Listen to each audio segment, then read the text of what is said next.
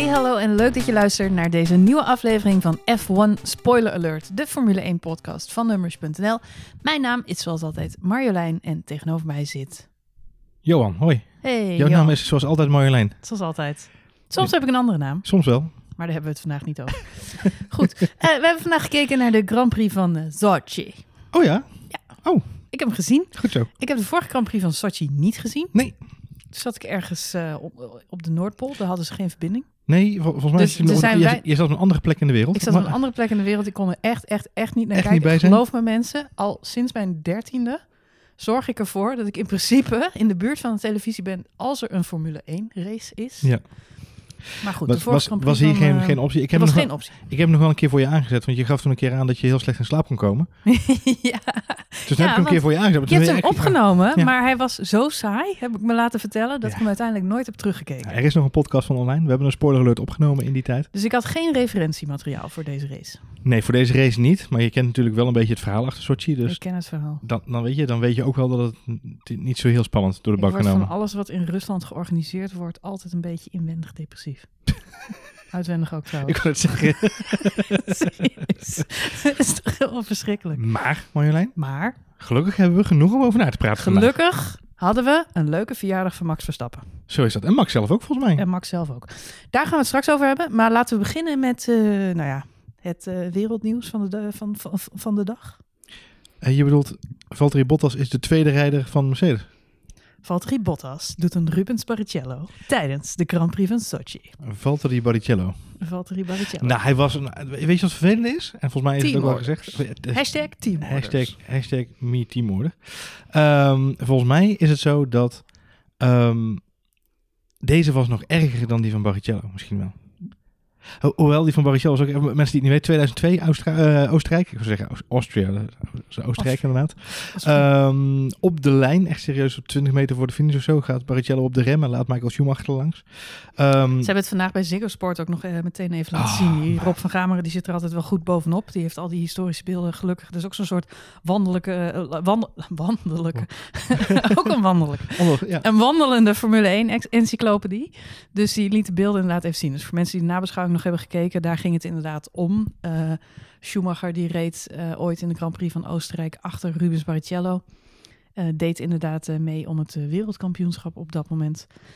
En, stond al 40 punten voor, maar goed. ja, hij stond al flink. En voor 2002 was dat 2002, inderdaad. ja. Nou, toen was hij al twee keer kampioen geweest. Ja, voor- voor Ferrari. Dus het was de derde titel voor Ferrari. Dus het was niet dat je zegt, het was nodig.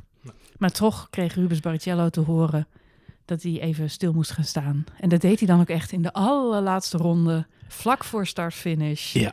En plein publiek. Precies. En daarna kreeg je een hele awkward situatie waarbij Michael Schumacher zei: Oké, Bartje, ga jij maar op het podium staan en hier heb je mijn beker. Ja, en dat was echt... en eh, schouderklopjes. En, en Barrichello stond daar een beetje ongemakkelijk bij. Zo van, "Hehe, ja, inderdaad. Nou, laat mij hier dan maar staan. Dat vond ik wel goed aan Bottas. Bottas, die wilde daar niks van hebben. Nee. Maar ja, dat, dat, daar droop ook wel alles vanaf. Maar die had zeg maar al de deksel op zijn neus gekregen in de auto. Die had zeg maar, als je het hebt, die halo die landde zeg maar op, zijn, op, de, op de voorkant van zijn helm zo'n beetje. Het was echt niet normaal hoe sneu het voor, voor Bottas was. Ik had vandaag echt voor het eerst een beetje te doen met Valtteri Bottas.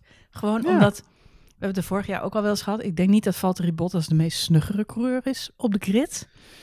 Dus het duurde volgens mij ook even voordat hij zich besefte wat er nou precies Het gebeurd meest, was. het meest schattige van het alles was natuurlijk dat hij de teamorde kreeg. Vervolgens toch nog wel ging vragen, eh, maar waarom eigenlijk jongens? Nou, dat was voor iedereen zeg maar wel duidelijk, behalve voor Valtteri zelf. En toen moesten ze maar iets verzinnen. Ja, we zagen wat blaren op zijn banden komen, dus eh, ja, daarom moest je er even langs. En dat hij dan na de race nog gesnapt wordt, terwijl ze dus eh, Hamilton staan te interviewen, dat hij dan zo op die banden staat te Hij kijken. staat overduidelijk nog even naar de banden van Lewis te kijken. En op dat moment zie je ook het besef langzaam inzinken.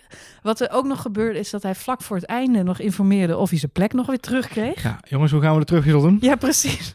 Maar ik moet wel even bijzeggen, dit is natuurlijk eh, al een keer eerder gebeurd bij Mercedes. Mhm. En toen, toen, eh, met andere afloop, dat was vorig jaar in Hongarije. Klopt. Ja, Ehm, en toen was het zo dat eh, de twee Ferraris op kop reden. klopt.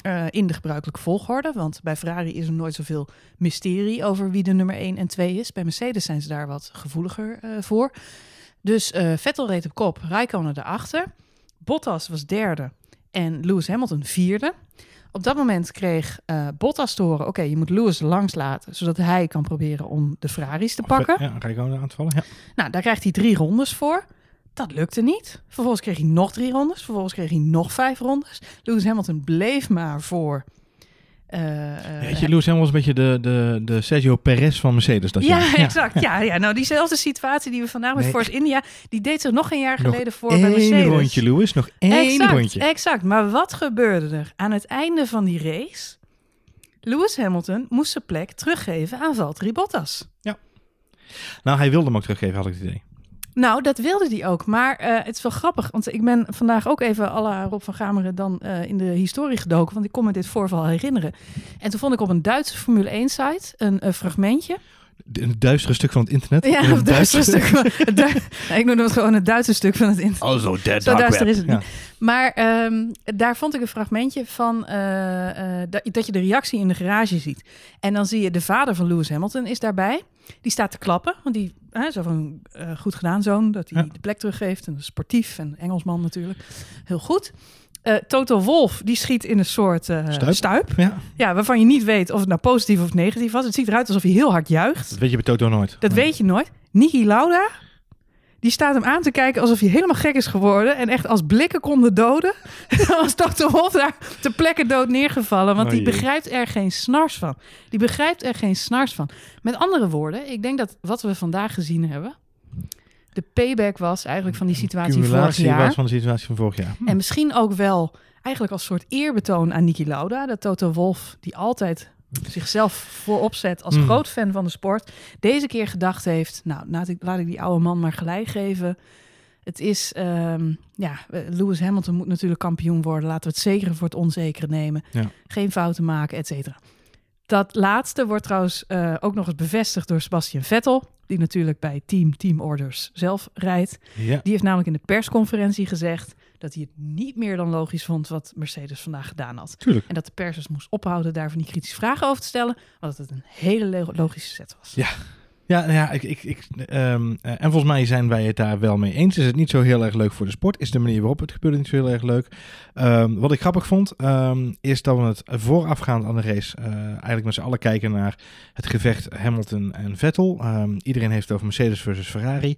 Ferrari is een beetje zwalkende. We zagen het dit weekend in eh, de laatste vrije training. Dat ze Vettel en Rijko nog naar buiten willen sturen op het randje van, van het einde van de training. Chaos. En totale chaos ontstaat omdat ze gewoon niet goed de, de pitwindow of de... Kimi Räikkönen begint te vloeken in het Fins. In het Nou, dan, Fins, dan ja. weet je het wel. Ja, dan weet je wel hoe laat het is inderdaad, ja. Ehm, dus dat was echt een hele, het was een hele chaotische aanloop bij, eh, bij Ferrari. Maar Mhm. Toto Wolff heeft na afloop verklaard dat het scenario met de wissels als die nu hebben moeten doorvoeren, totaal nergens in de boekje stond van Mercedes. Omdat het een noodgreep was, waar ze zelf, zichzelf in hadden gedraaid. Ja, want eh, wat dus wel zo is, ze hebben na afloop het, het verhaal van die blaar, wat jij net vertelde, op de band van Lewis Hamilton, Ja. dat hebben ze in stand gehouden. Ze hebben zelf aangegeven dat dat kwam omdat Lewis Hamilton... eh, Maar iedereen weet, als je een leugen vertelt, moet je het beste wat je kunt doen is Ja, gewoon stick with it. Hè? stick Stick with with it. it. Ja. Nou, dat hebben ze keurig gedaan, want eh, dat zou dan gebeurd zijn toen Lewis Hamilton Vettel moest terugpakken. Ja. Toto Wolff heeft ook nog zijn excuses aangeboden, want hij heeft namelijk verklaard dat ehm, die inhaalactie op Vettel was natuurlijk nodig, omdat Lewis Hamilton eigenlijk door een domme pitstop strategie te laat weer de baan op is gekomen. Klopt. Ehm, en Toto Wolff heeft achteraf ook gezegd dat was mijn schuld. Ja. We hadden hem één ronde eerder naar binnen willen halen, maar ik stond te ouwe hoeren met de engineer. Dat duurde te lang. Toen hebben we een ronde gemist. Ik zal, ik zal het voor de fans van mijn Toto Wolff accent even letterlijk eh, quoten, volgens Toto. While we were considering what to do, I was in exchange with James. And this made us pit one lap too, slow, too, low, too late. Too late. too late. Dit is een hele wandelijke eh formulering van deze, van deze eh, Dat is zin. waarschijnlijk hoe die nu later op de avond klinkt. Ja, exact. Ik, eh, dit is inderdaad eh, een paar glaasjes vodka later inderdaad. Die zal hij nodig hebben, denk ik. Want hij heeft er echt de balen van. Ehm, Nou, hij is gewoon, dat vind ik wel mooi, Toto Wolff. Hij is echt sportman. Hij heeft hier ook wel inderdaad echt de balen van. Ik denk, ja, die, wat ik al zei, Niki Lauda, die is hier heel simpel in. Bij Ferrari zijn ze hier ook heel simpel in. Dit gaat over een wereldkampioenschap. Dan neem je geen enkel risico. Nee. Toto Wolff zal het er moeilijk mee hebben. Ik, eh, Lewis Hamilton had het er ook zichtbaar moeilijk mee. Die heeft ook na afloop van de race gezegd: Dit was niet op voorhand afgesproken. Ik wist hier niks van. Ik was verbaasd dat het eh, zo gelopen is. Dit is niet de manier waarop ik races wil winnen. Nee. En Valtteri Bottas die liep natuurlijk ook te balen. Dus ik denk dat het voor het hele team is een kwestie van zand erover, gauw vergeten. Ja, de vraag is, nooit nodig. de vraag is die ik mezelf eh, afstel, eh, eigenlijk zo enkele uren na de race, is: is dit de, de mogelijke eh, barst in het, in het laagje beautiful make-up dat Mercedes had aangebracht op hun team? Eigenlijk na dat ze in de, voor de zomer natuurlijk een beetje aan het zwalken waren met de setup van de auto. Ze hebben de auto volgens mij nu redelijk onder controle. Ze hebben volgens mij Lewis Hamilton op een plek waar ze hem heel graag willen hebben, samen met Nicki Minaj op een rode loper in Shanghai. Ehm, weet je, dus dat gaat best prima met Lewis. Ehm, dus volgens mij hebben ze de, hun nummer 1 coureur op een goede plek. Alleen de balans in het team is natuurlijk wel van belang. En eh, eh, volgens mij heeft Toto Wolff nog twee weken geleden, of zelfs in aanloop naar deze week gezegd, de situatie met Rosberg was op een gegeven moment een vulkaan die dreigde te ontploffen. Je kunt natuurlijk dit soort geintjes maar één keer of twee keer uithalen met je, met je ook al is je tweede coureur, maar dan barst de bom ook natuurlijk wel een keer. Wat heel sneu is, is dat dit was wel echt de race van Bottas. Dit is echt, dit is zijn circuit. Hij had de pole position te pakken. We hebben Bottas het hele race seizoen nog geen Grand Prix zien winnen. Ook hij- vandaag niet. Nee. Hij blinkt ook eigenlijk nergens uit, maar hier blonk hij dit weekend uit. Ja. En Vorig Ja, jaar goed. won hij natuurlijk zijn eerste race hier. Zijn, zijn, zijn maiden win, hè, dat is zo mooi Ja. gezegd. Eh, was vorig jaar natuurlijk hier en, en, en dat had hij graag herhaald. Ja, zijn hele weekend was gewoon top. Ook zijn kwalificatie was fantastisch. weet je wat, ik, wat, ik, wat me nu te binnen schiet? Ik vraag me inderdaad af of dit... eh, en ik heb het net gehad over die reactie van Niki Lauda. Dat is natuurlijk een, een, een man uit het oude Formule 1 tijdperk. En die zei, hier, hier, dit heel simpel, geldt maar één wet. De wereldkampioen moet winnen. Voor hetzelfde geld, eh, niks zo eh, veranderlijk als een oud Formule 1 coureur. eh, Belt hij vanavond Toto Wolf op en zegt hij, dit had je niet moeten doen, vriend. Want de nummer twee belang, hè, gelukkig houden binnen het team is ook heel belangrijk binnen het management. Ja, En dit was wel de enige kans, denk ik, dit seizoen, dat Bottas een Grand Prix had kunnen winnen.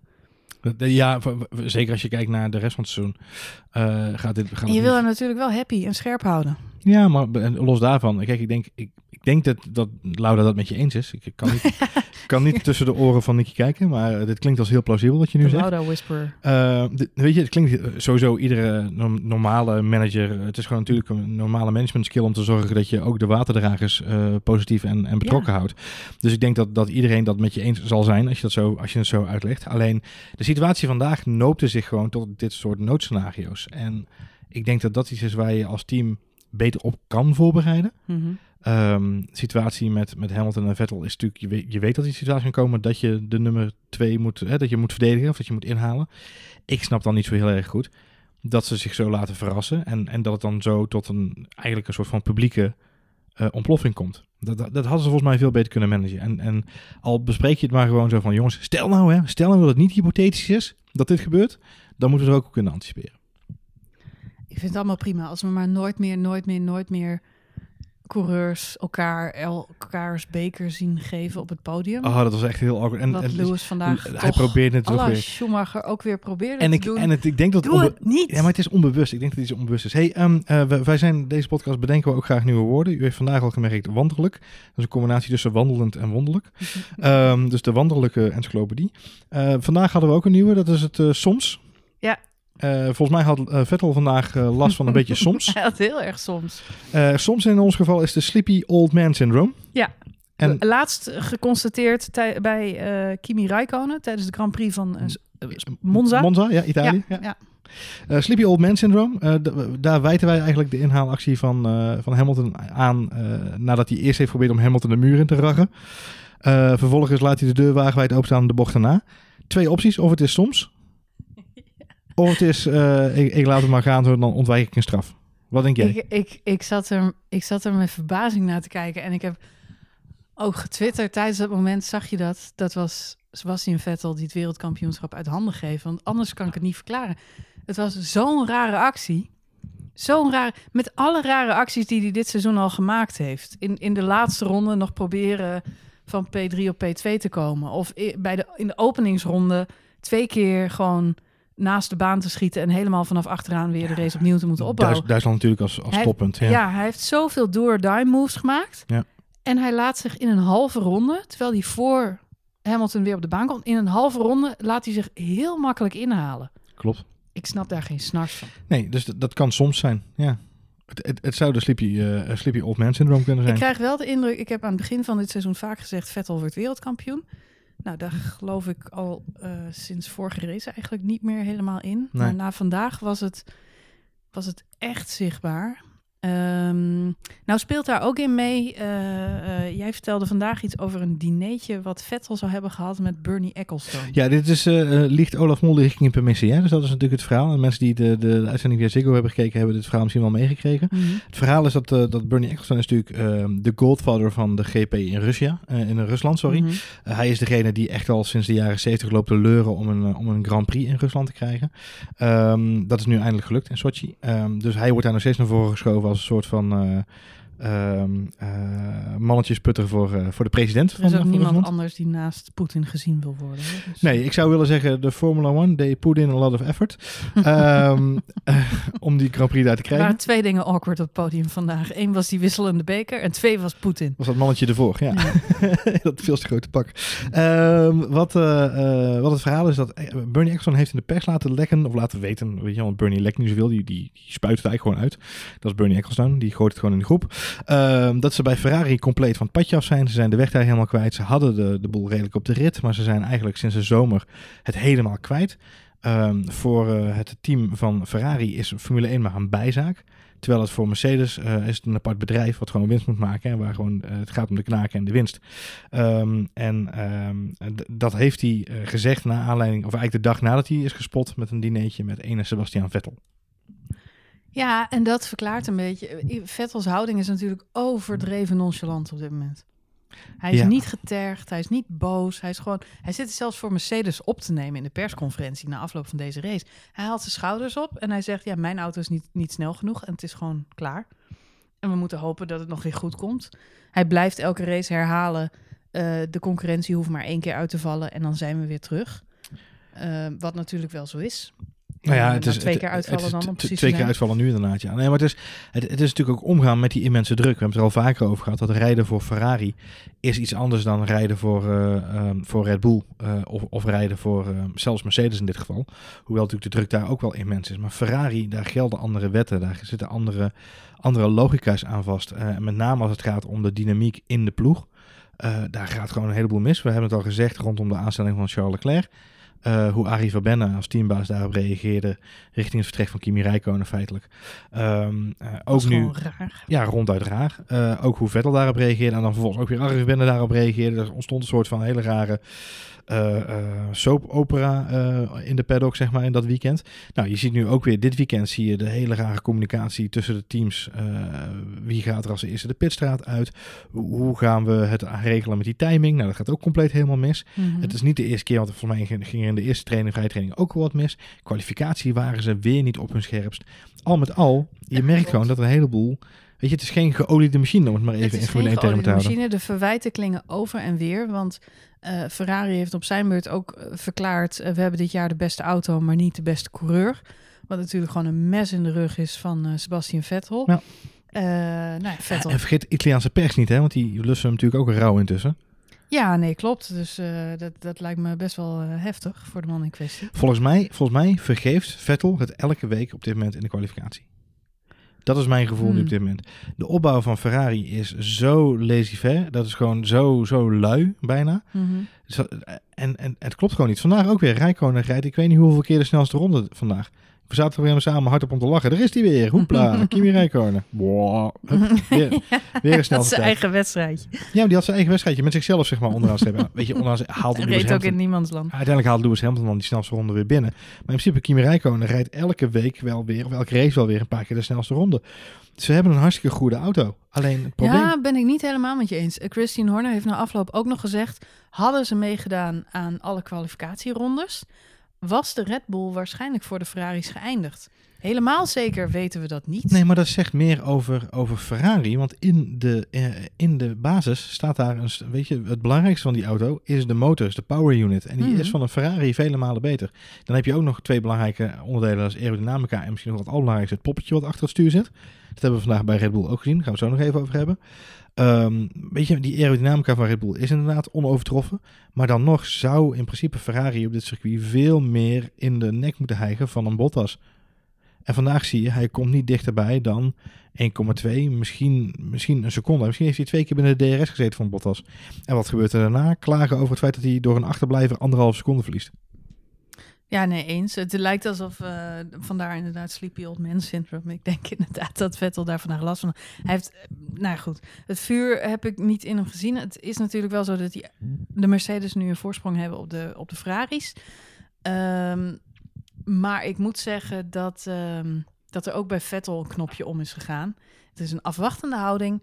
Eh, hij heeft het steeds over de Mercedes hoeven maar twee keer de pech te hebben en dan zijn we weer er bovenop. Nou, dat is eigenlijk ook best veelzeggend, want dat betekent dat je zelf dus niet de beste bent, maar dat je het moet hebben van de pech van een ander. Waarbij die trouwens vandaag nog toevoegde, overigens wens ik dat Lewis Hamilton natuurlijk niet toe. Nee, Lewis, goede vriend. Nee, maar goed, eh, om het maar te noemen. Weet je, weet je wie ik, ehm, nu, nu ik er zo over nadenk, weet je wie ik een beetje uitwisselbaar vind met elkaar op dit moment? Mhm, Sebastian Vettel mhm, en Daniel Ricciardo. Mm. Die zitten met dezelfde attitude volgens mij nog op dit moment in de laatste fase van het seizoen. Dat gevoel. mhm. Terwijl de een is inderdaad gewoon klaar. Die gaat volgend jaar lekker middenmotor rijden bij Renault. En de ander, Mhm. ja, die rijdt gewoon nog steeds op, op, op plek 2 in het wereldkampioenschap. Ja, Maar ik herken daarin een soort vanzelfde, ja, hoe moet ik dat zeggen? Eh, disengagement, eh, noem je Ja. het? Eh, losgekoppeldheid van het, van het fenomeen waar ze zich in bevinden. Een situatie waar ze zich in bevinden. Het is heel vreemd om mee te maken. Ja, nee, eens. Ik vind het ook jammer om te zien, want het maakt... Kijk, Lewis Hamilton, wordt veel gezegd, is misschien wel op de top van zijn kunnen. Eh, rijdt echt een heel goed seizoen. Ik vind hem veel kleurrijker dan vorig jaar en het jaar daarvoor. Zie je Dus- ook terug in zijn modecollectie overigens. nee, maar het is duidelijk te zien. Hij zit goed in zijn vel. Het is, tuurlijk, er is nog steeds een hoop drama omheen. Maar aan de andere kant, eh, hij rijdt ook wel echt verdomd goed. Ik, ik vond het wel mooi. Ik volgens mij vertel ik vandaag tegen jou. Ze zijn dus bij Liberty nu allemaal aan het eh, experimenteren met allemaal nieuwe interviewformatjes en zo. En eh, op social doen ze het nu veel met video's met de coureurs en zo. En Lewis Hamilton kwam daar voorbij. Hij is nu geloof ik 33 of 34. En eh, ik had een interviewtje en zei man, ja, eh, het interview zei, joh, 33. eh, ben je- heb je het gevoel nu dat je al een oude wijze man bent? En ben je al een mentor voor sommige jongens in de, in de pitstraat? Waarop Lewis een beetje van, oh, eh, sorry, nee, ik voel me helemaal niet oud.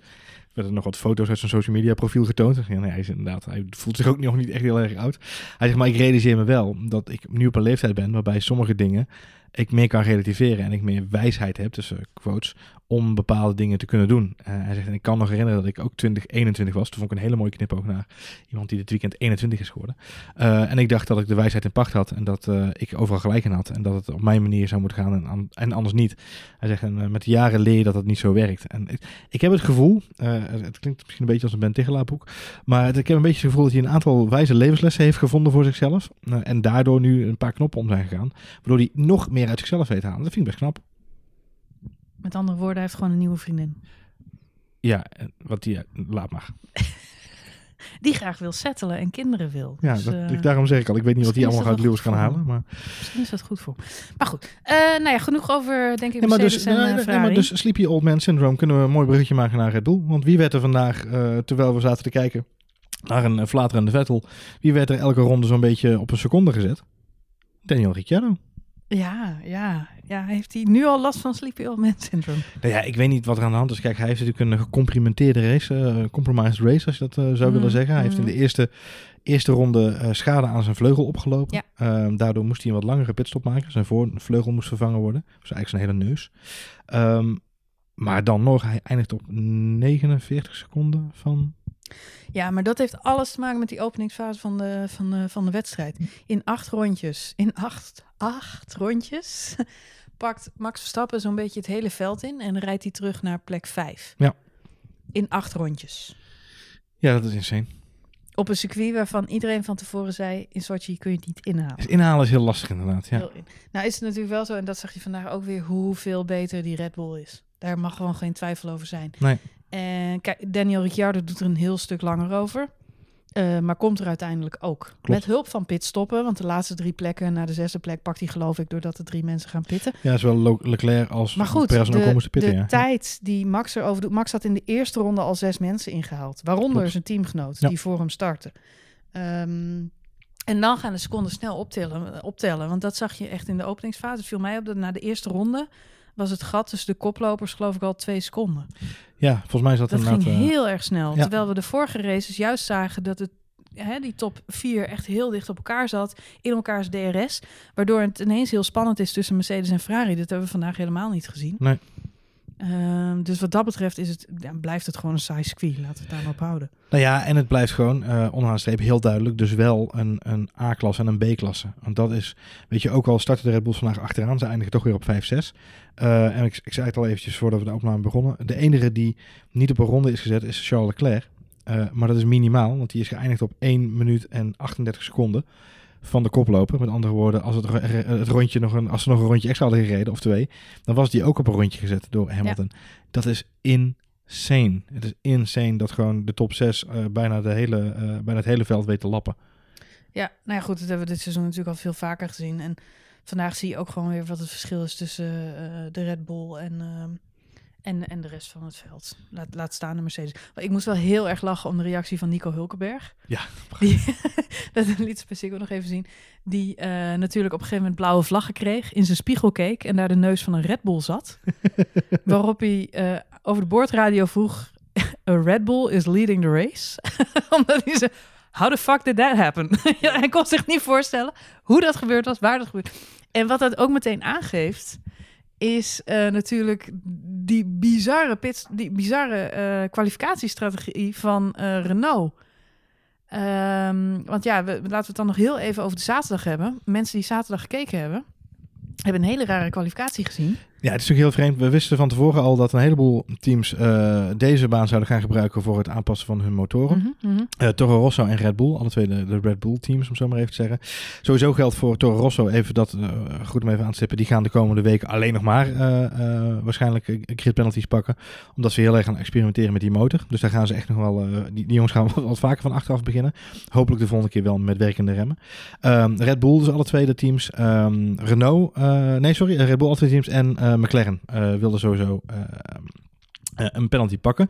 Dat zorgde ervoor dat tijdens de vrije training, de laatste vrije training op zaterdagochtend, alle teams als een malle probeerden om als eerste vooraan bij het stoplichtje te komen. Als de pitstraat open gaat. Want in volgorde van als we daar stonden, daar zouden de penalties worden uitgedeeld. En dat zou betekenen dat zeg maar van achteraf zou je zeg maar staan. Dus als je vooraan stond bij het pitstraatje, mocht je op plek 15 beginnen.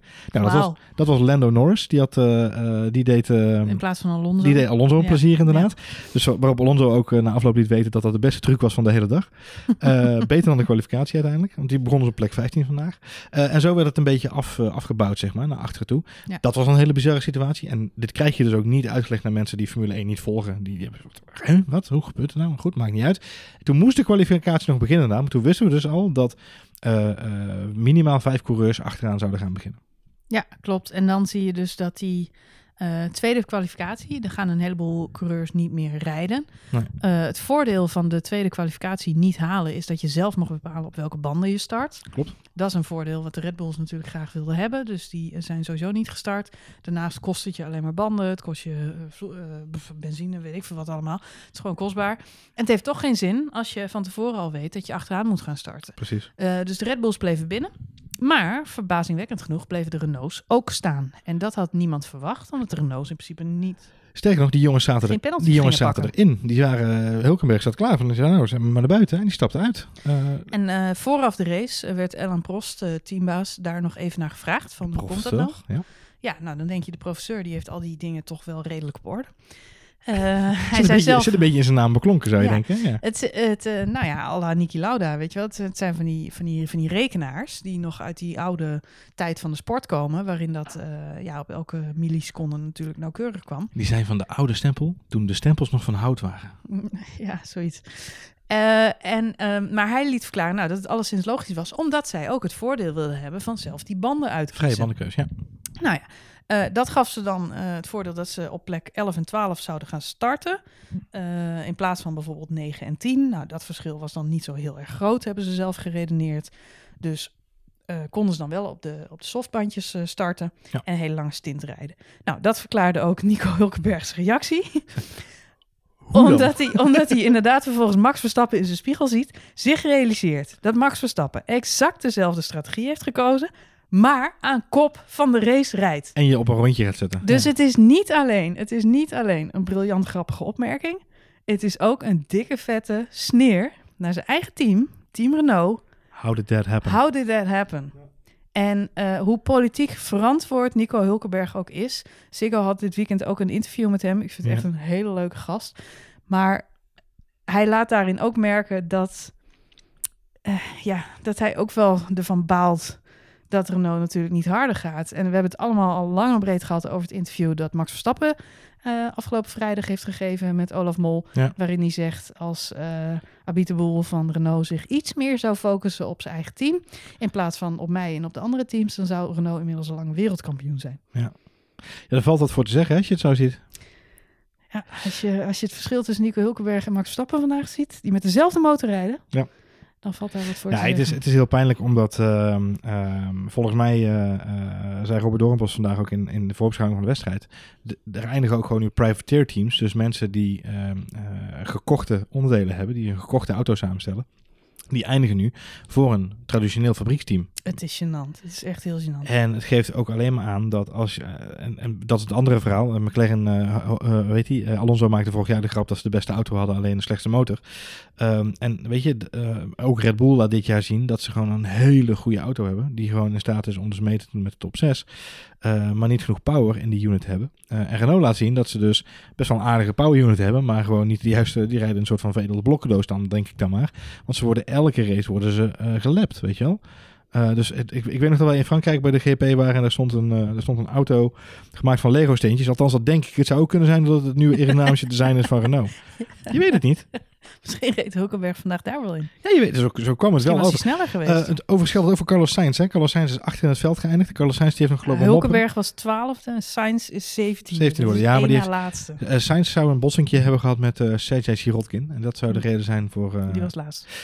Ja, dus dat zou de reden zijn waarom die twee heren uh, daar zijn geëindigd. Uh, maar goed, onderaan de streep geeft het je wel aan. Fantastische thuisrace van Sergej Sirotkin trouwens. Onze kampioen Sergej. Ja. Dus daar zal Poetin heel trots op zijn geweest. ja, dat nou heeft ja. hij dan weer niet kunnen dopen. Dat is wel jammer. Nou ja, wat het... ja, wie weet. Ja. Nee, hij heeft misschien zijn best gedaan, maar... Misschien heeft hij de verkeerde, de verkeerde motor gestopt ja. inderdaad. Zal het toch bij, uh, bij Lance Stroll in de motor. Nee joh, um, weet je wat het is? Renault laat gewoon keer op keer weer zien dat ze... Uh, meester zijn in de PR zoeken als het gaat om die motoren. Uh, onderaan de streep wordt langzaam zeker duidelijk dat Weet je, de, de motor is oké. Het is een prima motor. Maar het maximale wat eruit wordt gehaald, wordt gedaan door die twee andere vlakjes waar we het net over hadden. Namelijk aerodynamisch ontwerp en het popje wat achter het stuur zit. En dat laat, vooral het laatste, laat Max Verstappen vandaag natuurlijk zien. Als je niet alleen de twee Renaults, maar ook je eigen teamgenoot gewoon op, op 51 of 49 seconden rijdt. Nou, we hadden er even 10 seconden vanaf van, voor die neuswissel. Dan zitten we ook nog steeds op, op 39 seconden. Nou, goedemorgen, dat is wel even een achterstandje hoor. Met dezelfde setup. Nee, ja, klopt. Waarbij het Gros, ja goed, ik geloof dat hij in de eerste stint van de wedstrijd al 15 seconden pakt. Wat natuurlijk komt door al dat inhaal. Uh, zeker, zeker. Maar goed, het blijkt dus dat hij daarna nog verder uitloopt. Ricciardo in his defense heeft wel verklaard dat hij natuurlijk last had van zijn neus. Ja, en, en de neus van zijn auto ook. Niet, niet, ja. zijn, niet zijn echte neus, die ook tamelijk omvangrijk is. Maar ik bedoel, de neus van de auto.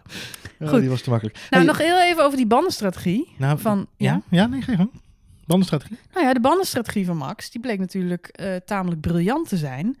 Want uh, van tevoren, uh, we zagen natuurlijk Max heel snel opklimmen. En vanaf dat moment begonnen eigenlijk al vrij snel de eerste pitstops bij Ferrari en Mercedes. En toen realiseerde ik me, dus eigenlijk gelijk, ah, ze gaan Max op zijn verjaardag gewoon zo lang mogelijk op kop laten rijden. Exact. Want dan heeft hij weer een race lead erbij. En dat is toch een statistiek die wordt bijgehouden, hoeveel rondjes je aan kop hebt gereden van een race. Ja, zullen ze niet echt bedacht hebben. Ze zullen niet gezegd hebben, vandaag voor je verjaardag doen we die statistiek een beetje uppen. Nou ja, dat weet ik. Ik heb het nog naar, naar, naar, naar hoe heet die, Jack uh, Ploy getwitterd. Maar ik had wel heel graag willen weten, wat vond Max nou leuker? Ja. Het hele veld inhalen ja. in 800 tijd? Of daarna gewoon 30, 40 ronden aan kop rijden? Aan. Volgens mij, het, uh, ik, ik zag toevallig zijn Instagram-foto uh, een Instagram-foto voorbij komen. Mhm. Mm -hmm. Daarin zei hij, I, enjoy, I enjoyed the first few laps of this race. Hmm. Uh, dus volgens mij ligt de nadruk bij hem op het inhalen. En, en ja, weet je, dat is altijd zijn, zijn stilo geweest. Hij is meer een, een racer dan een dominator, denk ik. En dat is... Ja, nee, ik stelde de vraag ook op Twitter en ik kreeg een paar reacties van... En de meeste mensen reageerden, nou, dat eerste natuurlijk. Hij vindt het inhalen te gek. En klopt ook, Max is natuurlijk een, een gamer en iemand die, die, die zijn hele leven in de sim-race is opgegroeid. Ja. Doe je niks anders dan, dan, dan nee, maar goed, maar in zijn, en, in zijn, met kart, in zijn karttijd en zijn uh, GP3-tijd was hij wel altijd dominant. Was hij wel altijd voorop rijden, gewoon uh, 40 ronden lang uh, de, de boel wegrijden, zeg maar. Nou ja, dat is dus mijn hij, punt. hij kan het wel alle twee. Als je uiteindelijk wereldkampioen wil worden, dat is heel eenzaam. en saai bestaan. Oh, het is heel Mich- eenzaam aan de top, Marjolein. Het eenzaam. nee, Michael Schumacher, die heeft, nou ja, ik denk van alle mensen in de wereld, het meeste rondjes eenzaam op kop gereden. En maar rijden, en maar rijden, en maar rijden. Maar in geen velden of wegen iemand anders te bekennen. Nee. Michael Schumacher kon trouwens ook fantastisch inhalen. Want de races dat hij achteraan moest starten, sneed hij ook altijd als een, als een warm mes door, door, de, door de boter. Maar, ehm, maar goed, een echte wereldkampioen, ja, die moet gewoon heel saai natuurlijk degelijk op kop kunnen rijden. Dat, Gedecideerd. hè, dat heeft hij vandaag natuurlijk wel laten zien dat hij dat eh, prima kan. Zeker. Eens. Nog één ding over die bandenstrategie. Want dat, nee, dat is wel eh, het tweede, hè, want je begon er al mee, maar dat is, dat is het tweede, ja. wat ik eh, daarover wil zeggen, dat is eh, dat het natuurlijk eh, best wel jammer is eh, dat hij uiteindelijk toch nog een keer bandjes eh, heeft moeten wisselen. Hij moet wisselen, ja. Hij moet wisselen. Ja. En ik realiseerde me, die regel die was er vroeger natuurlijk niet. Nee. Ik heb Mika Salo een keer op het podium zien rijden, volgens mij in Monaco was dat. Op de velgen, ja. Ja, op de velgen. Die heeft gewoon helemaal niet gepit. En daarnaast nog wel een paar keer vaker voorgekomen. Ehm, maar als hij niet had hoeven pitten, had hij gewoon die race kunnen winnen. Ja, nou, hij had, als je de banden zag, ze waren nog wel in piekfijne staat.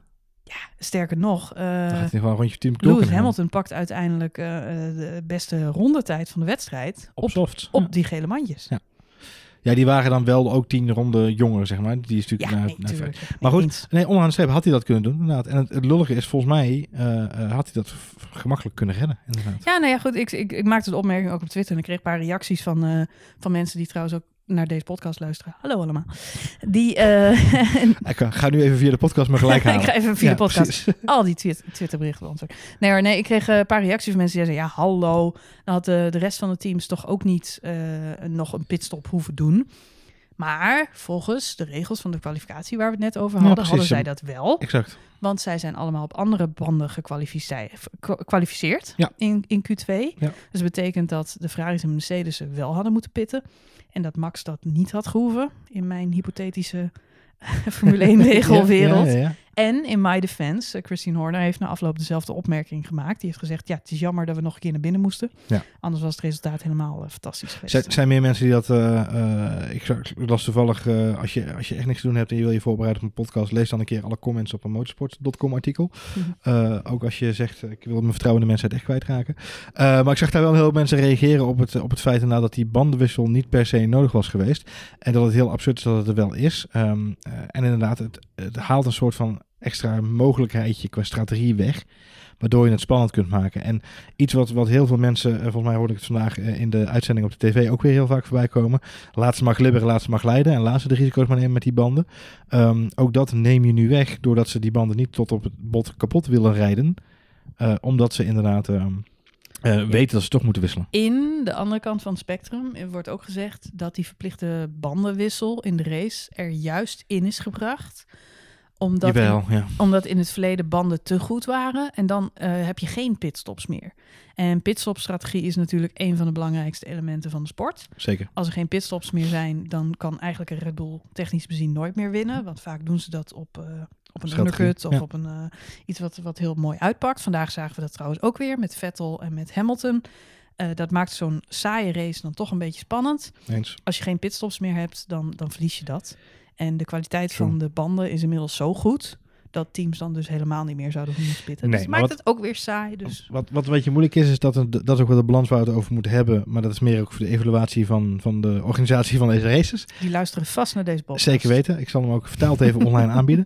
Ehm, maar het is Met ondertiteling. een van de dingen die, ja, en en extra slisfactor van mij. Eh, wat, ehm, wat ik belangrijk vind, of waar ik me echt aan geïrriteerd heb, is ehm, zowel eh, Ricardo als eh, Max hebben aangegeven dat ze de motor hebben willen sparen voor eh, de voor aankomende races.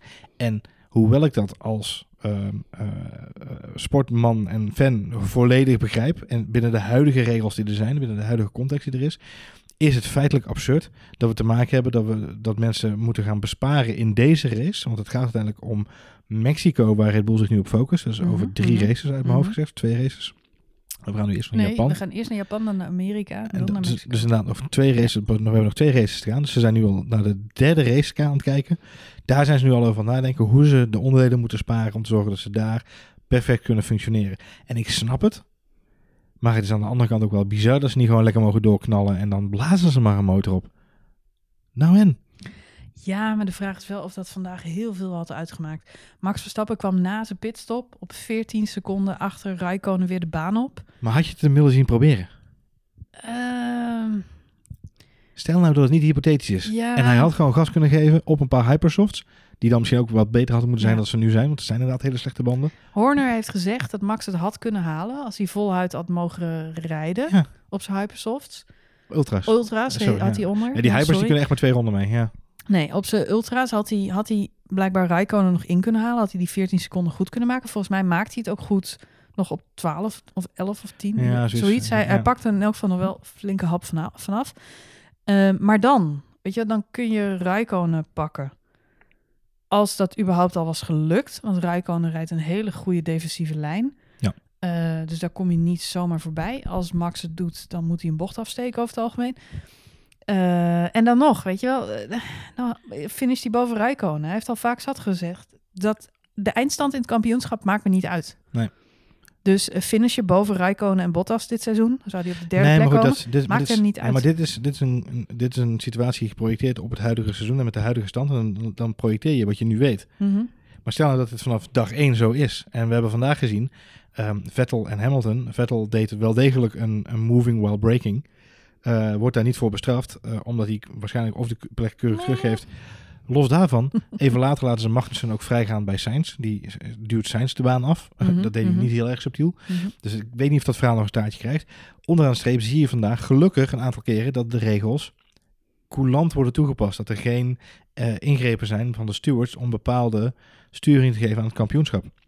Als je dat in je achterhoofd houdt, dan is het misschien leuk om daar eens over na te denken. Maar goed, nogmaals, eh, eh, eh, de regels zijn er ook om, om de, de, de kleinere en de, de wat minder welbedeelde teams qua geld natuurlijk een kans te kunnen geven. Daarom zijn die regels er ook met het maximaal aantal motorenwissels, et cetera. Dus ze zijn er niet voor niks, die, die regels. Nee, ze zijn er zeker niet voor niks. En ik denk alleen bij de kwalificatie hebben we dit weekend wel gezien dat daar misschien iets aan moet veranderen. Al die kritstaffen, eh, dat maakt het niet echt overzichtelijker. Ik Het snap er niet leuk. geen dromen van, joh. Kijk, het is voor ons natuurlijk wel leuk om Max Verstappen eh, helemaal naar voren te zien rijden. Uh, Was dat niet gebeurd, dan was de Grand Prix van Sochi helemaal een saai verhaal geweest. Hm, Ehm, Max heeft een leuke verjaardag gehad. zeker. Dus En wij hebben leuke- regels. En we hebben een leuke middag gehad. Ja. We hebben genoten. Nou, hij heeft er weer. eh, Het, is wel een visitekaartje dat hij daar afgeeft. Hey, ik kijk even op de klok, Marjolein. We moeten even opletten, want we zijn bijna net zo lang aan het praten als de teams van Force India over de boordradio. nog, nog twee rondjes. joh. Dus eh, nog moeten- twee rondjes. Weet je, we, we, we, dat, dat was wat, we hadden eigenlijk gewoon vandaag integraal de boordradio van, van Force India kunnen uitzenden. Dan hadden we ook een Zo volle uitzending dat, gehad. zeg. Jongen, jongen, jongen. Alsof je de Bold and the Beautiful aan het kijken was. Het duurde en het duurde maar. En het, ja, goed, het deed mij inderdaad denken aan de situatie bij Mercedes vorig Zijn je nou Ocon en The Beautiful? dat is raar. Dat is raar. Dat is raar. Dat is heel Dat raar. is heel vreemd. Nee, het doet een inderdaad- rare situatie. Ja, maar het is, het is eh, als je het hebt over teamorders. Ja. ehm, Ze mogen niet meer met elkaar racen, dus krijgt eh nu mag Ook- jij even. Jij de teamorder, ga aan de kant. Dan kan Perez het proberen. Wat ik trouwens heel raar vind, is dat ik Perez vaak voor Ocon zie rijden de afgelopen paar races. Ook beter zie kwalificeren, eh, in de race beter zie uitkomen. Ja. Terwijl Ocon toch het roemruchte talent is wat maar nergens een stoeltje kan krijgen. Maar Mhm. Goed, dat is een ander Mhm. verhaal. Ehm, nou, Perez mag het dan even proberen. Nou, die komt geen steek verder. En dat duurt en dat duurt en dat duurt. En hij krijgt maar te horen, nog twee rondjes. een ronde later, nog twee rondjes. Oké, het moet nu echt gebeuren. Nog twee rondjes. Het is een beetje, ik heb altijd geleerd, ook als je een kind opvoedt, dan moet je zo consistent mogelijk zijn als ouder. Anders leert het kind niet luisteren. Volgens mij is dat precies wat er hier vandaag aan de hand was. Op deze manier gaat Perez dus nooit meer, nooit meer een bordradio serieus nemen. Nou, als hij, liet- zoveel respijt krijgt. Hij liet, hij liet uiteindelijk wel, toen hij het signaal kreeg, nu is het klaar, en liet hij hem wel keurig terugkomen. Dus dat is op zich positief. Eh, onderaan de streep eh, snap ik nog steeds niet zo heel erg goed wat het idee is van Force India bij deze hele situatie. Want ehm, eh, ze eindigen dus vandaag op plek eh 9 en 10. En daarmee halen ze de laatste puntjes binnen. En dat is superleuk. Eh, maar volgens mij hadden ze, als ze die mannen maar hadden laten racen, hadden ze volgens mij, ik denk, er meer uit kunnen halen voor zichzelf. Ja, ik weet ja niet. goed. dat is, Misschien zijn er zulke wilde jonge honden. Je weet het niet, Marjolein. Ik weet het niet, maar ik vond het vooral eh soap. Zeg, eh, we gaan op naar Japan. We gaan naar Japan. Japan is altijd een leuke race. Het enige nadeel is, je moet er verdomd vroeg voor opstaan. Ja, dus ik wilde zeggen inderdaad, zorg dat je deze week lekker bijslaapt. Terwijl de Grand Prix waar ik Mika Hakkinen ooit wereldkampioen heb zien worden. Om zes uur 's ochtends. Dit keer zijn ze wat eh, coulanter met de tijd. Of soort van, ja. Want de race is pas om zeven uur 's ochtends. Ja, dat is dat wintertijd, zomertijd verhaal. Hè? Dus het ligt gaan wanneer ze hem houden. Nee, het, Ja. is, eh, het is inderdaad... Het- Japan is heel lang de laatste race van het seizoen geweest. Dat is niet fijn. Dat is tegenwoordig niet meer. Nee. Nee, dat is voor ons weer een uurtje. Dat scheelt weer een uurtje extra, hè? Even lekker bijslapen. Even lekker bij zijn. Even lekker bijtanken. En ik kan me herinneren dat de kwalificatie op een, op een totaal ander tijdstip is. Dus daar moeten de mensen ook even op letten. De kwalificatie is een uurtje later, om 8 uur. Kijk, dat is Ja. dan weer iets eh, prettiger. Dus, eh, maar goed, het zijn wel de, de wedstrijden waar je de vrije trainingen misschien niet per se gaat kijken. Of je moet toevallig net de kroeg uitkomen rollen en denken, ik wil nog even een stukje Formule 1 kijken. Eh, want die zijn om drie uur, om zeven uur s ochtends en om vijf uur s ochtends. Dus het zijn niet de momenten waarop je zegt, ik zal eens even lekker een beetje uitgaan om even een stukje vrije training naar de mensen toe te kijken.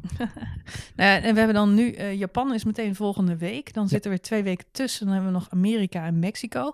Die zijn inderdaad weer met een week ertussen. Want die liggen natuurlijk ook vlak bij elkaar. Klopt. De ene is in Texas en Mexico, dat is eigenlijk net over de grens. Ja, een stukje verder uithobbelen. Ja. En dan gaan we nog naar Brazilië. En de laatste Grand Prix is in Abu Dhabi. En dat is pas eind november. Ja. Een ontzettend lang seizoen tegenwoordig. ja, en dan willen ze er nog een paar races bij gaan plakken. Hebben die arme jongens helemaal nooit meer vakantie, joh. Nee, maar kunnen wij gelukkig wel lekker podcastjes opnemen. Kijk, dat is dan weer fijn om te horen. Goed, eh, heel erg bedankt voor het luisteren naar deze aflevering van F1 Spoiler Alert over de Grand Prix van Rusland. Wil je reageren? Ben je het totaal niet eens met alles wat we vandaag gezegd hebben? Je dat we het, eh, hele slechte dingen hebben gezegd over jouw favoriete coureur of favoriete team? Laat het ons dan vooral weten, liefst via Twitter. Daarop zijn we te bereiken eh, via Het Robert Doornbos. Nee, niet? en Ed Rob van Gameren. Goed. eh, eh, nogmaals dank voor het luisteren. Volgende week zijn we er weer. Doen we dan tussen- tussendoor nog een, eh, Een nieuw- up- een update. Ja, misschien dat we mid, mid, midweeks updateje moeten doen. Er speelt Midweek echt natuurlijk wel veel nieuws, hè? Ja. De, want anders dan missen we natuurlijk alle transfernieuws. En de Ja. plekjes beginnen nu al snel ingevuld te raken. Er zijn geloof ik nog vier stoeltjes over op dit Al die moment. lekkere roels. Precies, dus daar moeten we het ook nog even hebben. Heel graag tot de volgende aflevering van F1 Spoiler Alert.